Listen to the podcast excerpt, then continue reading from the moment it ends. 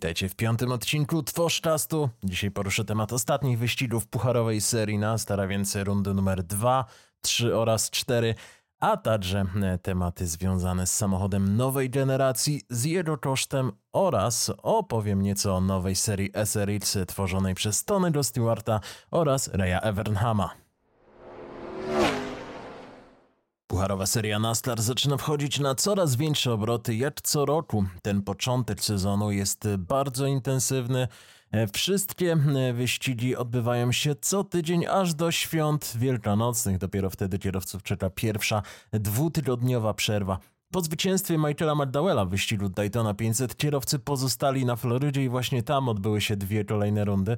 Od dłuższego czasu nie mieliśmy takiej sytuacji, jakoby kierowcy pozostawali w jednym stanie aż na trzy kolejne wyścigi, no ale teraz e, przede wszystkim jest to związane po pierwsze z covidowymi obostrzeniami, po drugie z faktem, iż jednak Tor Homestead Miami Speedway, który był jedną z tych e, rund, e, wypadł z końca sezonu, już nie jest wyścigiem finałowym, a więc najlepiej te wyścigi rozgrywać na Florydzie gdzieś na samym początku roku, bowiem później robi się tutaj bardzo ciepło, no i dodatkowo bardzo deszczowo, o czym przekonaliśmy się w ubiegłym roku na torze Homestead Miami Speedway.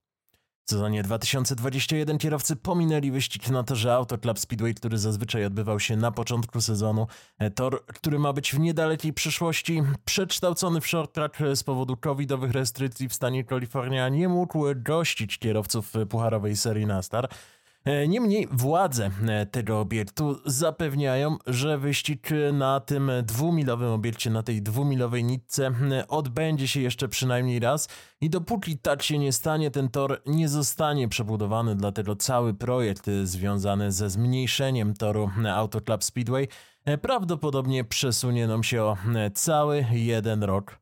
Zamiast tego w kalendarzu pojawił się kolejny tor drogowy, o którym opowiadałem już nieco w jednym z poprzednich odcinków. Była to drogowa nitka toru Daytona International Speedway, ta sama nitka, która wykorzystywana jest chociażby w 24-godzinnym wyścigu Daytona. W ubiegłym roku kierowcy także z powodu braku innego kalifornijskiego toru, wówczas była to Sonoma Raceway, ścigali się tam po raz pierwszy i był to stosunkowo mało atrakcyjny wyścig, e, wszystko z powodu długości samego obiektu, który ma rubo ponad 3,5 e, mili. No i braku dostatecznego przygotowania, braku obycia e, z tym torem samych zespołów. Stawka bardzo szybko nam się rozciągnęła i mieliśmy nieco mniej walki niż zazwyczaj jesteśmy do tego przyzwyczajeni na torach drogowych. W tym roku kierowcy wiedzieli już nieco, czego mogą się spodziewać, co z pewnością ułatwiło przygotowania do tego wyścigu. E, osiem okresów neutralizacji to całkiem sporo, jak na tor drogowy, no i to wyrównało nam stawkę. E, to bardzo skondensowało nam stawkę, dzięki czemu aż 32 kierowców ukończyło ten wyścig na okrążeniu lidera. Takie sytuacje nie zdarzają się w pucharowej serii NASCAR e, zbyt często, nawet na owalach a już e, dopiero na torach e, drogowych. W samej walce przepadł nieco Chase Elliott, ubiegłoroczny mistrz pucharowej serii NASCAR, który po raz pierwszy od naprawdę długiego czasu nie zdołał wygrać wyścigu na torze drogowym. Ostatecznie zmagania zakończyły się zwycięstwem Christophera Bella, e, który po raz pierwszy w karierze, podobnie jak McDowell tydzień wcześniej, triumfował w wyścigu pucharowej serii NASCAR. Christopher Bell w tym roku otworzył zupełnie nowy rozdział swojej wyścigowej kariery. On rozpoczął ściganie w zespole Joe Gibbs Racing – gdzie zastąpił Erika Jonesa w czwartym e, samochodzie e, Joe'ego Gibsa. No jest to samochód, który bardzo często zmienia kierowcę i mam wrażenie, że każdy kierowca młodego pokolenia, który trafia do Joe Gibbs Racing, który trafia do tego czwartego samochodu, chce za wszelką cenę udowodnić, że jest godzien tego miejsca. No i nie inaczej było także w przypadku Christophera Bella. W przypadku Erika Jonesa także udało mu się wygrać wyścig, niemniej to zwycięstwo Erika Jonesa nastąpiło zdecydowanie później. E, u Christophera Bella e, zwycięstwo w Toyocie Joe Gipsa e, nastąpiło już podczas drugiego tak naprawdę oficjalnego wyścigu sezonu 2021, drugiego oficjalnego wyścigu za kierownicą tego pojazdu, a więc bardzo szybko. No i tutaj Christopher Bell jest teraz na naprawdę dobrej drodze udowodnienia swojej wartości, no i przede wszystkim ma już zapewnione miejsce w finale sezonu 2021 w tej fazie playoff. Finał to oczywiście zbyt daleko powiedziane, zbyt dużo powiedziane, bowiem finał to ostatni wyścig, no ale wiemy, że na pewno pojawi się w tej czołowej szesnastce, która weźmie udział w decydującej fazie sezonu i która między sobą będzie w trakcie ostatnich 10 wyścigów sezonu 2021 rozgrywała losy tytułu mistrzowskiego. Trzecia runda sezonu 2021 odbyła się na torze Homestead Miami Speedway, o czym też już e, wspominałem, a więc na klasycznym e, półtorej milowym owalu i był to pierwszy e, tego typu tor w kalendarzu sezonu 2021.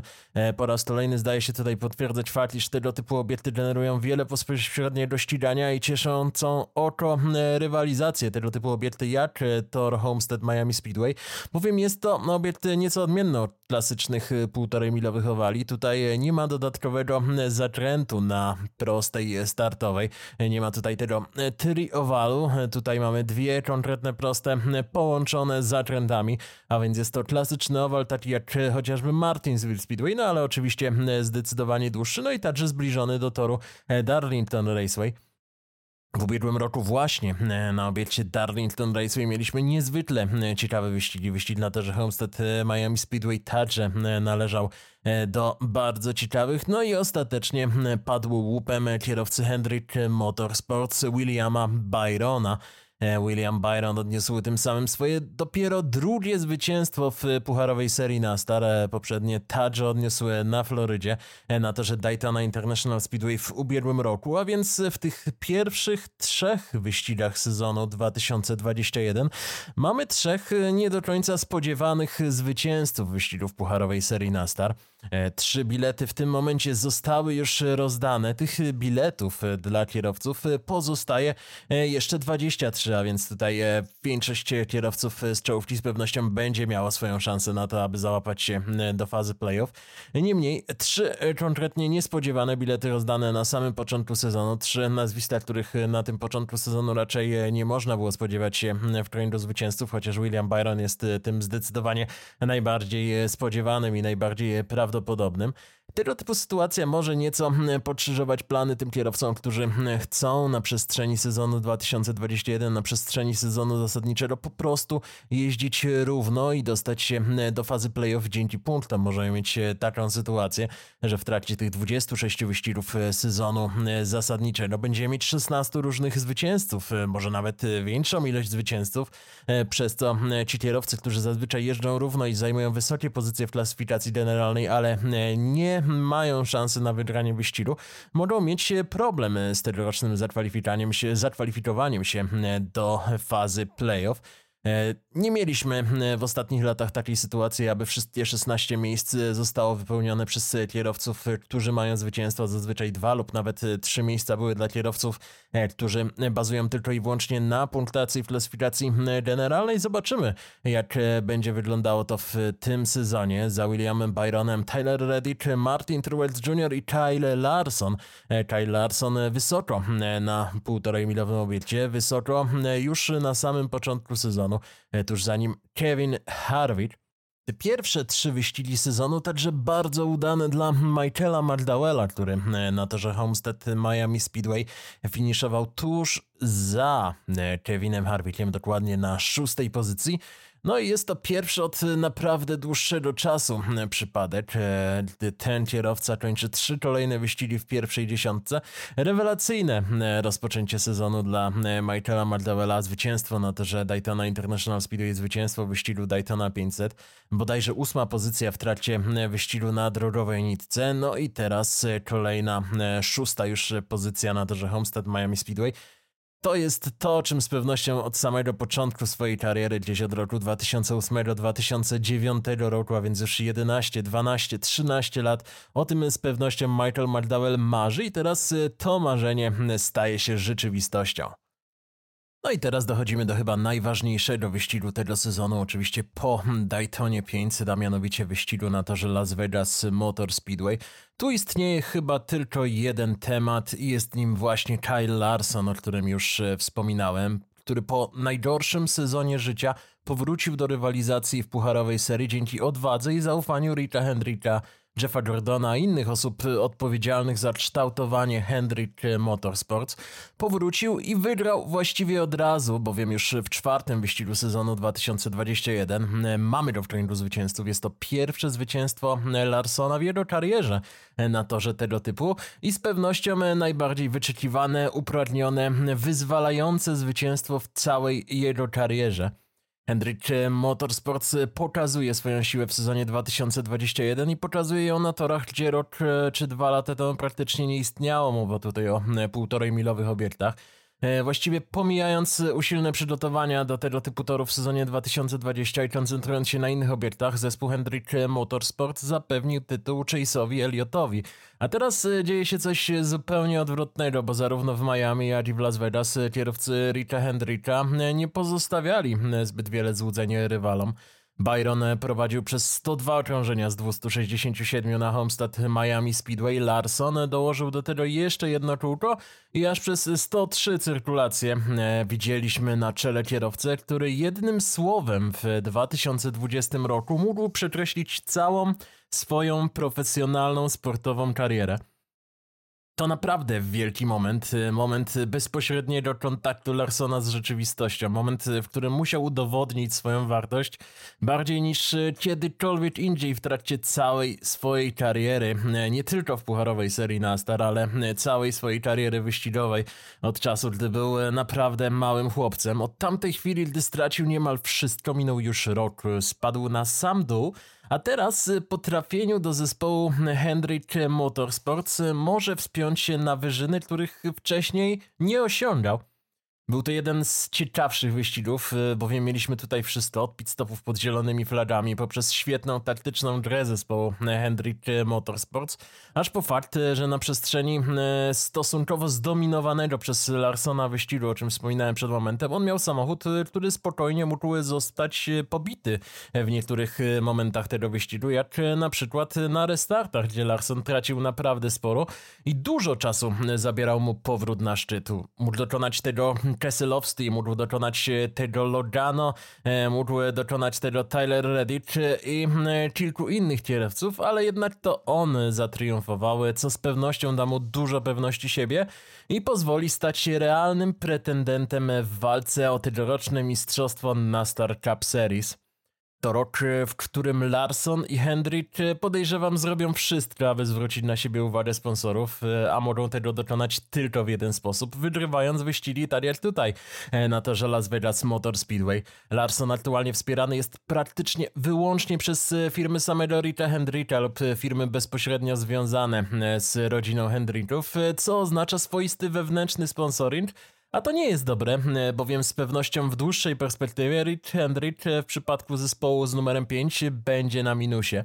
Larson od samego początku jest e, zdeterminowany. Był wysoko już e, w Homestead, był szybki podczas e, dwóch pierwszych wyścigów, a to może sygnalizować, jak dobry jest i jak dobry będzie w tym roku. Nie jeździł samochodem serii pucharowej przez ponad 9 miesięcy jako, że nie ma praktycznie żadnych oficjalnych sesji testowych czy treningowych, nie mógł przygotowywać się do tego sezonu.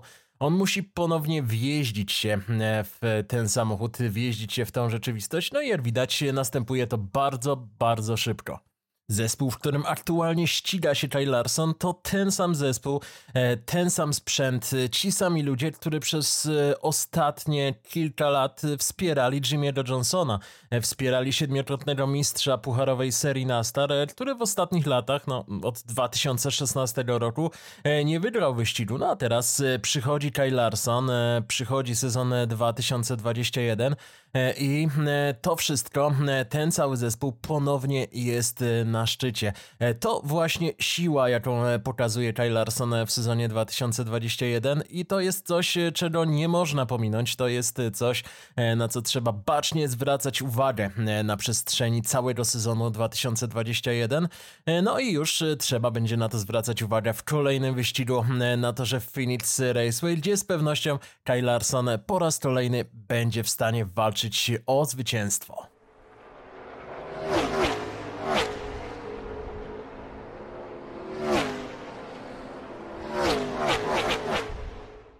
Sezon 2021 trwa. Jest to sezon, w którym pierwotnie miał zadebiutować samochód nowej generacji. Organizacja Nastar zakończyła już proces rozwoju samochodów i ma cały rok na testowanie tej konstrukcji i wprowadzanie ewentualnych zmian, które w sezonie 2022 mogą uczynić serię pucharową jeszcze ciekawszą niż jest obecnie. A jak widać na przestrzeni tych pierwszych czterech wyścigów jest naprawdę nieźle. E, samochody dwóch poprzednich generacji nie skupiały się znacząco na wprowadzaniu innowacji do pucharowej serii Nastar. E, przynajmniej nie innowacji, jeżeli chodzi o e, samą konstrukcję. Wprowadzały przede wszystkim innowacje w kwestii bezpieczeństwa. Nie przybliżały tych pojazdów ku nowoczesnym konstrukcjom wyścigowym znanym z innych serii. Głównym aspektem, tak jak wspominałem, było bezpieczeństwo. To przyświecało wszystkim konstruktorom e, w Centrum Badań i Rozwoju Nastar. Ogromna praca, e, jaka została wykonana przy poprzednich dwóch generacjach, miała trwale odsunąć Nastar od sytuacji, w której życie kierowców e, było zagrożone. No i ten plan został zrealizowany w 100%. Jak wiadomo, katalizatorem tych zmian była śmierć Dale Earnharda seniora, która miała miejsce dokładnie 20 lat temu i od tamtej pory władze Nastar robiły wszystko, aby stać się jedną z najbezpieczniejszych y, serii wyścigowych świata. E, te innowacje były wprowadzane w konstrukcji klat i bezpieczeństwa. E, w samych obiektach pucharowej serii Nastar także zaszło wiele zmian, aby te wyścigi stały się bezpieczniejsze i ten cel został osiągnięty. Teraz e, pucharowa seria Nastar chce wprowadzić e, samochody w XXI wiek, no i samochody nowej generacji e, przyniosą szereg dodatkowych zmian, które uczynią z pewnością je jeszcze bardziej bezpieczniejszymi niż są w tym momencie, ale także bardziej nowoczesnymi pod wieloma względami.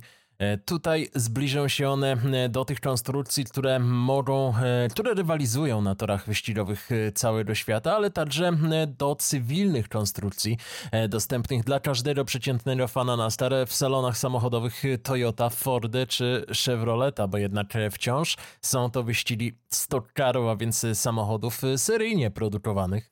Jak dotąd wiele rozwiązań konstrukcyjnych, które znamy z pucharowej serii Nastar, to rozwiązania sięgające technologicznie końca lat 70. Mowa tutaj przede wszystkim o konstrukcji jednostki napędowej, która tak naprawdę została zmodyfikowana dopiero stosunkowo niedawno poprzez usunięcie gaźnika i wprowadzenie elektronicznego wtrystu paliwa. E, o dosyć archaicznym, zależnym tylnym zawieszeniu ze sztywnym mostem, no i o tej niezniszczalnej czterobiegowej skrzyni Dogbox, e, która jest wykorzystywana e, także przez drifterów właśnie ze względu na swoją niezawodność.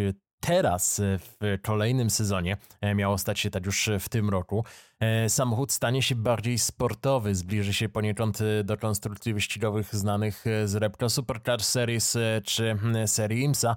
Dodatkowo doścignie rozwiązania, które od wielu lat stosowane są także w cywilnych samochodach segmentu typowo sportowego, co w założeniu powinno nieco ucieszyć wszystkich fanów, którzy twierdzą, że słowostok w skrócie Nastar nie jest już zupełnie zasadny i organizacja dawno porzuciła tą konkretną ścieżkę. Większość elementów, y, z których y, samochód będzie budowany, które będą wykorzystywane w nowych y, wozach, będzie prefabrykowana i zespoły będą składały po prostu pojazdy w swoich warsztatach. E, tych prefabrykowanych elementów będzie znacznie więcej niż w przypadku aktualnych konstrukcji. Dodatkowo zmiany obejmą konstrukcję skrzyni biegów. E, ta będzie teraz e, sześciobiegowa i sekwencyjna. Na stare zacznie stosować niezależne tylne zawieszenie. Zniknie nam pięć nakrętek, które dotąd trzymały koło i zostaną one zastąpione jedną centralną nakrętką. Jednak w tym obszarze zmieni się jeszcze więcej, ponieważ Nastar zrezygnowało także ze standardowych stalowych felk, e, które tak dobrze E, znane są z wyścigów e, pucharowej serii Nastar, no i one także zostaną zastąpione większymi felgami ze stopów e, metali lekkich, co zaś wpłynie bezpośrednio na profil opon. Zmiany pakietu aerodynamicznego. Także są widoczne gołym okiem i obejmą one uproszczenie splittera, modyfikację boków pojazdów, co powinno zmniejszyć generowanie sił bocznych. E, i przede wszystkim pojawi się dyfuzor, który w serii Nastar jak dotąd nie był stosowany. To, co można zaobserwować, to zmartwienie fanów e, pucharowej serii Nastar. E, wszystkie te zmiany mogą martwić, bowiem z pewnością wielu ludzi, e, którzy oglądają ten sport, boi się teraz utraty jego oryginalnego charakteru w momencie, w którym te wozy zbliżają się coraz bardziej i bardziej do samochodów sportowych. Jednak mówię o tym, bowiem jednym z najważniejszych celów, który z pewnością wpłynie dodatnio na rywalizację serii Nastar, będzie koszt tych samochodów. No i tutaj pojawia się e, kwestia ograniczonych budżetów, e, kwestia, która e, jest wznoszona praktycznie w każdej serii wyścigowej świata. Każda seria chce ciąć te koszty, każda seria chce, aby zespoły z końca stawki mogły sobie pozwolić na rywalizację na najwyższym poziomie, na rywalizację z tymi zespołami zdecydowanie E, bogatszymi od siebie. Jak dotąd koszt przygotowania samochodu aktualnej generacji wahał się w granicach 250 do 300 tysięcy dolarów z wyłączeniem silnika. W przypadku zespołów e, z tyłu stawki z pewnością to nadwozie jest e, tańsze, z pewnością te koszty są nieco niższe, jednak średnia pozostaje zawieszona dość wysoko. W pewnym momencie pojawiły się nawet informacje, iż przygotowanie pojedynczego samochodu zespołu z czoła stawki, e, takiego jak na przykład Hendrick Motorsports, bo to właśnie ich dotyczyła ta informacja, dotyczyła ona konkretnie samochodu bodajże wówczas Jimmy'ego Johnsona, I mówi ono o tym, że ten koszt dochodzi nawet do jednego miliona dolarów. E, to są kwoty, na które w żaden sposób nie może sobie pozwolić żaden z zespołów z drugiej połowy stawki. No i teraz wszystkie te zmiany, e, które wprowadza pucharowa seria Nastar, mają zwiększyć zainteresowanie zespołów możliwością rywalizacji w niej, a więc mają ograniczyć koszty przygotowania pojedynczego samochodu, który może być wystawiony w wyścigu serii pucharowej. Dlatego władze Nastar ustaliły sobie konkretny limit, limit kosztowy części potrzebnych do zbudowania samochodu nowej generacji. No i ten limit miał nie przekroczyć pewnej sumy.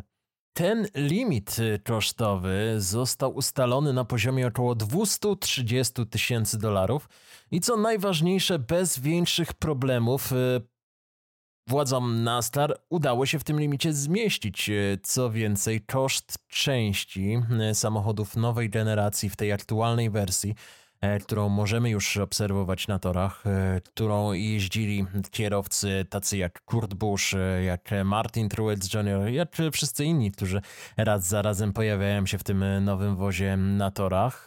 Ten koszt oscyluje w granicach 140 do 170 tysięcy dolarów, a więc tutaj pozostaje jeszcze 60 do nawet 90 tysięcy dolarów zapasu Oznacza to, że pucharowa seria wciąż ma sporo miejsca na udoskonalenie tej konstrukcji w ramach budżetu. E, wydaje mi się jednak, że pozostaną na tym pułapie e, stosunkowo niższy koszt części, e, duża ilość prefabrykowanych elementów i nowoczesna konstrukcja znacząco obniżą ogólny koszt pojazdu, co jest e, dla mnie najważniejszym aspektem e, nowych samochodów i jest czymś, z czego my, wszyscy fani wyścigów pucharowej serii NASTAR, powinniśmy się cieszyć, bowiem z pewnością zachęci to nowe zespoły do rywalizacji w pucharowej serii NASTAR, no i także pomoże zespołom z drugiej części stawki. Pomoże zespołom nieco biedniejszym w przygotowaniu samochodu konkurencyjnego, a więc powinniśmy mieć jeszcze większą liczbę kierowców, którzy w każdym wyścigu będą walczyli o zwycięstwo. No i kto wie, być może Ponownie doczekamy takich czasów, że samochodów zgłoszonych do każdego wyścigu będzie zdecydowanie więcej niż miejsc w tym wyścigu. Potrzebne będą kwalifikacje i niektórzy kierowcy będą żegnali się z rywalizacją już na tym etapie. Takie sytuacje dobrze znane były w latach 80., dobrze znane były w latach 90., a nawet na początku tego wieku. I to dopiero samochody piątej i szóstej generacji, które okazały się bardzo drogie w przygotowaniu, wyeliminowały e, większość zespołów e, z końca stawki. E, taka ścieżka da możliwość ponownie rywalizacji zespołom z drugiej połowy stawki. Ponownie będą mogły się ścigać na wysokim poziomie. No i na pewno pomoże też innym. Ten aspekt skutecznie broni mnie przed strachem związanym z pojedynczą natrętką i pozwala wierzyć w naprawdę ciekawą przyszłość serii pucharowej. Informacje o serii SRX pojawiają się w mediach już od dłuższego czasu. Tony Stewart i Ray Evernham połączyli szyki, aby zaprezentować światu zupełnie nową serię wyścigową, która nazywa się Superstar Racing Experience. Już w czerwcu i lipcu tego roku na kilku torach w USA zadebiutuje zupełnie nowa seria. E, która w założeniu ma przywrócić utracone emocje wyścigom stoczkarów, e, ma przynieść ponownie do tego świata e, to, co widzieliśmy na początku poprzedniej dekady, co widzieliśmy w latach 90., tego typu walkę, tego typu ściganie. No i w założeniu te wyścigi mają odbywać się też na krótszych torach, zarówno tych asfaltowych, jak i na dirt trackach. E, kolejne rundy mają być rozgrywane w sobotnie wieczory, mają być krótsze niż standardowe wyścigi stoczkarów obecne aktualnie na rynku. A więc e, mamy tutaj wiele odniesień do tego, co e, Nastar, co cała organizacja chce także wprowadzić w trakcie całego tego procesu zmian w pucharowej serii Nastar i nie tylko, który rozpoczął się już w tym roku. E, zmianą w kalendarzu, no ale ma trwać dalej. E, jest to związane z wprowadzeniem samochodu nowej generacji. Jest to związane także e, właśnie z tym, iż ten samochód nowej generacji ma przede wszystkim najlepiej sprawdzać się na short trackach i tych short tracków w przyszłości też ma być nieco więcej. Tony Stewart to postać, której nie trzeba chyba nikomu przedstawiać. Trzykrotny mistrz pucharowej serii Nastar, który od zawsze próbował wywrzeć swój wpływ na serię Nastar. Raz mu się to udawało, innym razem już nie. Jednak zasłynął z otwartej krytyki pewnych rozwiązań, a także z bardzo dobrego odnalezienia się w biznesie. Z sukcesami prowadzi zespół Stewart House Racing, a także jest właścicielem toru Eldora Speedway, który od dłuższego czasu gościł chociażby jedną rundę serii półciężarówek rozgrywaną właśnie na tamtejszym dirt tracku. Ray Evernham to zaś jeden z najbardziej znanych szefów mechaników w historii pucharowej serii Nastar. Tworzył duet y, przede wszystkim z Jeffem Jordanem i to właśnie z nim w latach 90. wywalczył wszystkie cztery tytuły mistrzowskie. E, później Evernham prowadził swój własny zespół w pucharowej serii Nastar, jednak już bez tak wielkich sukcesów, jakie odnosiły niemal dekadę wcześniej. Kierowcami zespołu Raya Evernhama byli m.in. Bill Elliott, no ale także Jeremy Mayfield czy Elliot Sadler. Na ten moment można powiedzieć zatem jedno, seria SRX ma być bezpośrednią konkurencją dla serii Nastar na lokalnych short trackach, a więc torach, gdzie swój powrót od wielu lat zapowiada Nastar, no ale jak widać póki co nie doszło to do jakiegoś konkretnego skutku. Konstruując samochód, Ray Evernham wybrał także zupełnie inną ścieżkę niż ta, którą w ostatnich latach obierała seria Nastar. Skupił się przede wszystkim na dużej mocy silnika i małym docisku aerodynamicznym, stawiając swój nowy samochód w zupełnej opozycji do tego, co mogliśmy obserwować w Nastar w ostatnich latach. Pojazd został po raz pierwszy zaprezentowany przed e, kilkoma dniami i wizualnie zdaje się przypominać nieco dwie generacje samochodów pucharowej serii Nastar, za którymi zdecydowanie najbardziej tęsknią wszyscy fani oddalający się od serii. E, mowa tutaj o stoczkarach z końca lat 60., e, tych ogromnych z wielkimi skrzydłami, które z zawrotną prędkością przemierzały tor Daytona International Speedway. Mowa tutaj o plemucie Superbird. Miał on duże tylne skrzydło i stosunkowo prostą linię i taki opis idealnie wpasowuje się w nowe dzieło Evernhama. Dodatkowo przód tego pojazdu swoją geometryczną prostotą przypomina generację, która była uważana za najbardziej konkurencyjną i generującą najciekawsze wyścigi. Tutaj mowa o latach 90. E, i chociażby o Pontiacach e, z drugiej połowy tamtej dekady. To pojazdy, które Evernham zna zdecydowanie najlepiej i e, za którymi mogą tęsknić nie tylko fani Jeffa Jordana czy Dale'a Earnharda seniora, ale także sam Ray Evernham. Takie połączenie daje nam pojazd, który próżno porównywać do jakiejkolwiek współczesnej konstrukcji wyścigowej i coś, za czym fani niezadowoleni ze ścieżki, jaką obrała seria Nastar, z pewnością tęsknią. Ray Evernham posłuchał chyba wszystkich y, tych głosów, nawet tych wyrażających jakieś subiektywne opinie o tym, iż samochód nowej generacji y, pucharowej serii Nastar wydaje się być strasznie wysoki i strasznie wąski i nie takiej linii powinno się oczekiwać od stoczkarów. Zaprezentowany bowiem pojazd SRX sprawia wrażenie szerokiego i niezwykle niskiego. I prawdopodobnie tą właśnie bryłę zobaczymy na torach już w czerwcu. Mówiłem już y, o torach, y, mówiłem, że będą to short tracki. No i dodatkowo warto tutaj wspomnieć, że praktycznie każdy z torów, jakie odwiedzi seria SRX, y, to także obiekty, które w pewnym momencie historii wyścigów NASTAR pojawiały się w jej kalendarzu. Początek rywalizacji dokładnie 12 czerwca na torze Stafford Motor Speedway to półmilowy owal, który przez lata był stosowany w niższych lokalnych y, seriach NASCAR. Obiekt od 1967 roku jest asfaltowy i swoim kształtem przypomina nieco Martinsville Speedway, jednak jest zdecydowanie mocniej nachylony. W kolejnych dwóch tygodniach seria SRX będzie pojawiać się na dirt trackach. Najpierw na legendarnym torze Northville Speedway, e, który w tym roku będzie gościł także wyścig na stare w kategorii pick-upów, a później na torze e, samego organizatora serii SRX, na torze Tonego Stewarta, a więc na Eldora Speedway. Druga połowa e, sześciowyścigowego kalendarza to już wyłącznie tory asfaltowe, jednak także bardzo mocno zróżnicowane. Lipcowe wyścigi rozpocznie runda na Lucas Oil Raceway, który ze swoją ponad kilometrową pętlą jest najdłuższym torem w kalendarzu serii. Później kierowcy udadzą się na Slinger Speedway, no i to także jest bardzo specyficzny obiekt o długości 1 czwartej mili. Specyficzny, bowiem mocno nachylone zakręty czynią go jednym z najszybszych, o ile nie najszybszym tego typu torem na świecie. Rekord okrążenia w samochodzie typu Sprint Kart z dużym skrzydłem to 9,9 sekundy, a rekord Late Model to 11,095. Można zatem zakładać, że pojazdy serii SRX będą pokonywały jedno okrążenie toru Slinder Speedway właśnie w podobnych granicach. Sezon zakończy się na Nashville Fairground Speedway, obiekcie, którego historia sięga pierwszej dekady XX wieku, jeden z najstarszych obiektów wyścigowych w Stanach Zjednoczonych i który także ma niezwykle bogatą historię związaną bezpośrednio z wyścigami głównej serii NASCAR. Ostatnią rzeczą, e, o której jeszcze nie wspominałem, są kierowcy. W mediach społecznościowych seria raz za razem zapowiada kolejne gwiazdy, e, które mają pojawić się w niej już w czerwcu. Wśród kierowców zapowiedzianych jak dotąd jest e, m.in. sam Tony Stewart, e, co było oczywiste. E, będzie on rywalizował jednak z kilkoma innymi kierowcami NASTAR, z którymi rywalizował w trakcie najlepszych lat swojej kariery, a mowa tu m.in. o Billu Elliocie, o Michaelu Waltripie i o Bobim Labonte.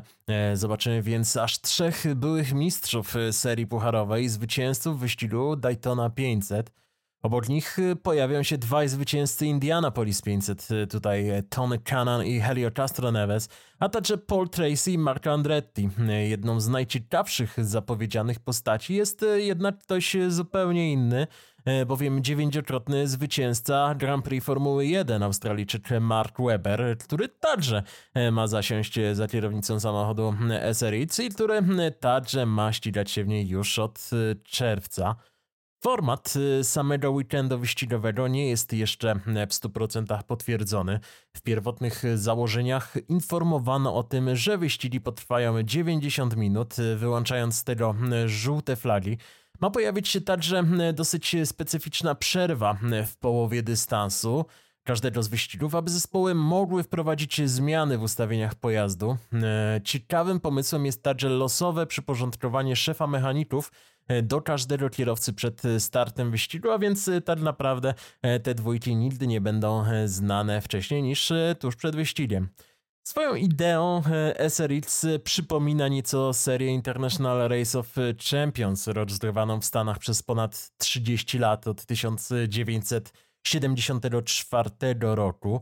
Cieszyła się ona całkiem sporą popularnością, miała być swoistą serią gwiazd amerykańskiego motorsportu, e, czym tak naprawdę się stała. A jej wielokrotnymi mistrzami e, byli m.in. Dale Earnhardt Senior i Mark Martin, a mistrzem finałowego sezonu, który odbył się w 2006 roku, został nie kto inny jak e, jeden z założycieli serii SRX, Tony Stewart. Już w lecie przekonamy się, czy SRX odniesie porównywalny sukces. Na dzisiaj to wszystko. Zapraszam już na kolejny odcinek Tworz Szymon Tworz, do usłyszenia.